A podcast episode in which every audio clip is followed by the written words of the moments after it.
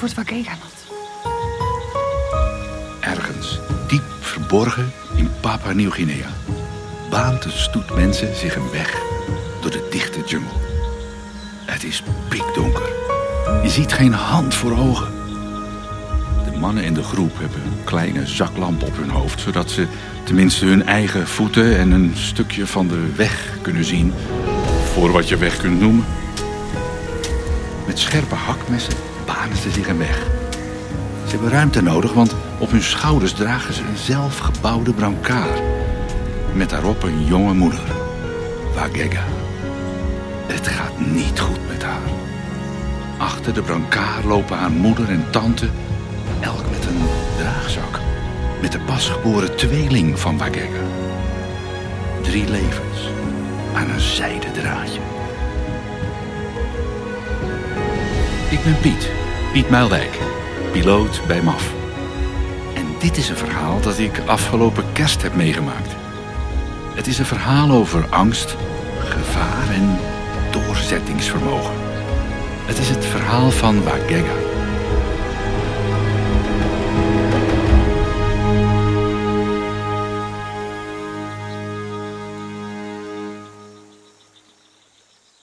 Ik hielp Wagega bij de geboorte thuis bij onze stam.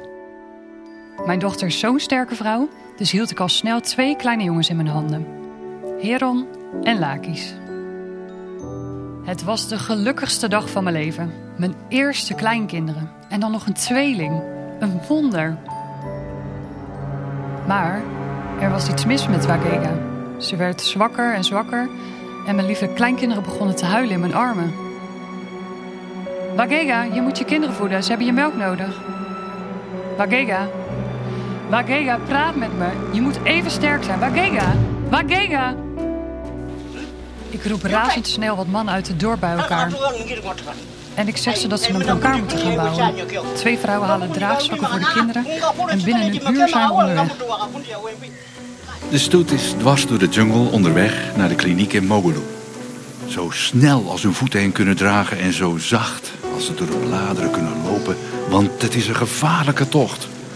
Je kunt allerlei dieren tegenkomen zoals giftige slangen en spinnen. En om bij de kliniek te komen, moet de groep dwars door vijandig gebied. En dat is minstens net zo gevaarlijk. Want er heerst in Papua Nieuw-Guinea helaas nog vaak rivaliteit en oorlog tussen de stammen. De stoet moet goed opletten en volhouden. De tocht is lang.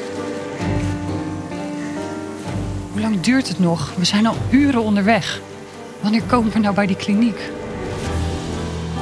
Hoe lang duurt het nog? Ze moeten er toch bijna zijn? Zendeling Sally loopt onrustig op en neer voor de kliniek.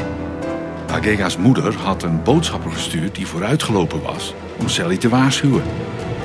Door zijn wanhopige geklop op haar deur werd Sally uit haar diepe slaap gerukt en heeft zij meteen haar collega's wakker gemaakt. Iedereen moet klaarstaan als Wagega komt. Maar wanneer komt ze nou? Hoor ik daar iets? Nee. Nu? Nee, nog steeds niet. Alsjeblieft, laat ze op tijd zijn. Bescherm hen, heren. Was dat iets? Nee, nog steeds niet. Of, wacht. Jawel. Daar, daar. Het licht van de zaklamp in het donker. Ze komen eraan.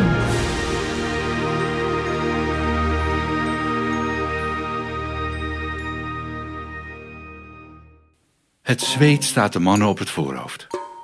Ze hebben de hele nacht gelopen met de brancard van Wagega op hun schouders. Maar wat misschien nog wel het zwaarst op hun schouders drukte, was de verantwoordelijkheid voor niet één, maar drie levens. Als ze eindelijk de schaars verlichte hut van de kliniek in de verte zien, slaken de mannen een zucht van opluchting. Nog een laatste keer verzamelen ze hun krachten en lopen met grote, snelle passen de jungle uit. Sally komt hen al tegemoet.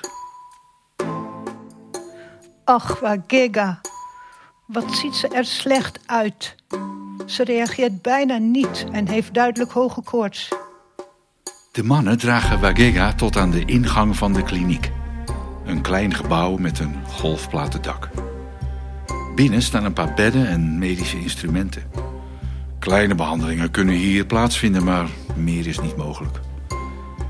Terwijl een verpleegkundige twee flesjes voor Heron en Lakis klaarmaakt, onderzoeken Sally en haar collega's Wagega. Buiten begint het licht te worden. Sally kijkt bezorgd. Het spijt me, mevrouw. We hebben alles geprobeerd. Maar we kunnen uw dochter hier niet helpen. Ze moet naar het ziekenhuis in Kyunga. Kyunga, dat is zeven dagreizen van hier verwijderd. Zelfs als de mannen uitgerust waren, zullen ze nooit snel genoeg kunnen lopen. Maar wat, wat, wat moeten we doen? Hier zijn geen wegen voor een auto om te komen. Zelfs een scooter komt niet door de modder heen. Dat gaat nooit lukken. Volgens mij hebben we maar één optie. MAF. MAF moet met een vliegtuig komen. Dat is de enige mogelijkheid voor Wagega.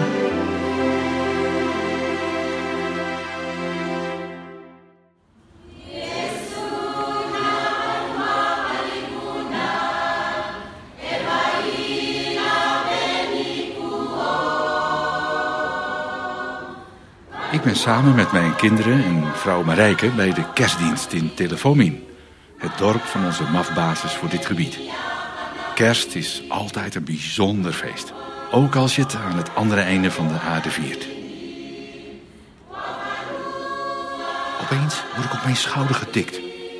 Piet, je moet nu komen. Er moet een ambulancevlucht worden gevlogen. Zoiets gebeurt wel vaker op de meest gekke momenten, maar als het gaat om leven en dood, staat MAF altijd klaar. Ook met kerst. Ik geef Marijke een kus en haast mee naar de hangar. Ondertussen zijn mijn collega's al volop aan het werk. Terwijl de een de pre-flight checks doet, is de ander bezig met brandstof in de vleugels van de Cessna 208 te pompen. En dat met de hand notabene. Ik bekijk het weer, bepaal de vluchtroute en dien het vliegplan in.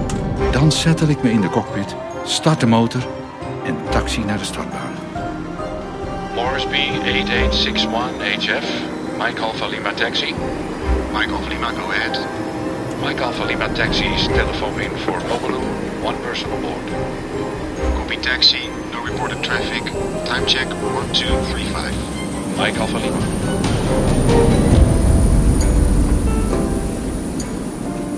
De snelste route naar Mogolu is door de Selbang Gap. Je moet weten, Telefomin ligt in een vallei omringd door bergen. Er zijn een paar gaps, lagere bergen of openingen in de bergkammen... waardoor we als het ware kunnen oversteken naar een andere vallei. Selbang ligt precies op de route, maar regen en wolken worden juist altijd die gap ingeblazen...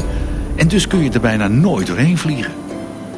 Sally zei over de telefoon dat het leven van die drie aan een zijden draadje hangt. Ik ga toch die kant op en kijken of ik door die gap kan vliegen. Dat zou zoveel tijd schelen. Wie weet schenkt God een wonder. Een kerstwonder.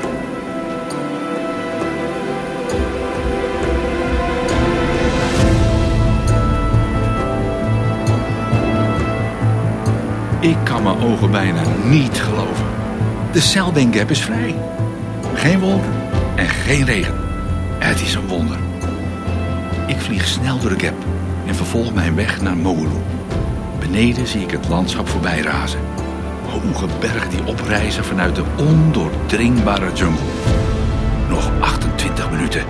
Hou vol, mensen. Hou vol, Wagega. Het kan niet lang meer duren. Piet, je moet opschieten. Waar blijf je nou? Hoe lang duurt het nog tot het vliegtuig komt? Ik weet het niet, mevrouw, maar ik hoop snel.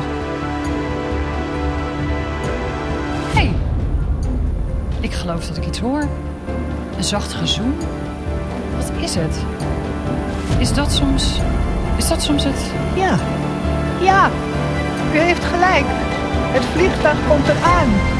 Hulp is nabij.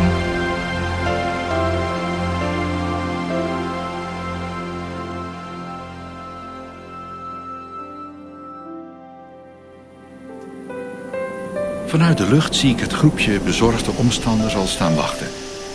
Ik zet de landing in en kom voor de kliniek tot stilstand. Snel stap ik uit en help de mannen die al met de brancard komen aanlopen om die in het vliegtuig te tillen. De vrouw, Wagega, ziet er niet goed uit.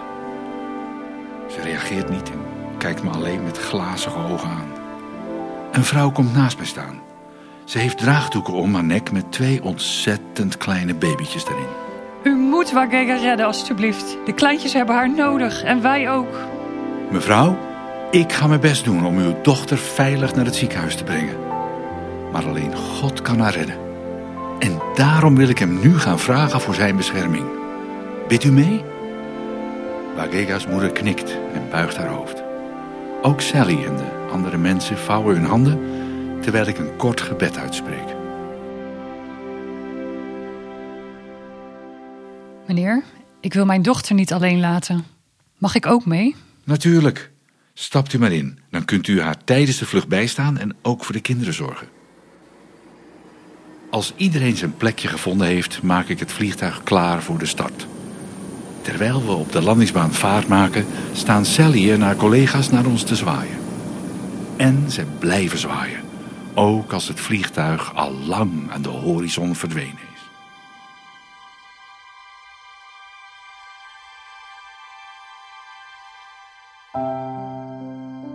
toen, vraagt Marijke mij als we thuis aan de keukentafel zitten. De jongens hebben hun bordspel onderbroken om te luisteren naar mijn verhaal. Wat, wat gebeurde er toen? Eh, nou, ik vloog naar Kionga en na 30 minuten landden we en stond de ambulance ons al op te wachten. We haalden de brancard met Wagega uit het vliegtuig en schoven die voorzichtig in de tot ambulance omgebouwde landrover. En hoe is het dan nu met Wagega en haar zoons? Vraagt een van onze jongens. Dat is nou het mooiste. Wagega heeft het gered. En Lakis en Heron zijn gezond en wel. Dat is nou een echt kerstwonder. Wat is het toch bijzonder om een schakeltje te zijn in Gods plan. Aan dit kerstfeest zal ik nog lang blijven denken. Een feest van een speciale geboorte. Die ons herinnert aan de meest bijzondere geboorte in de geschiedenis. Een geboorte die tot redding zou leiden. We wensen u en uw naasten een gezegend kerstfeest.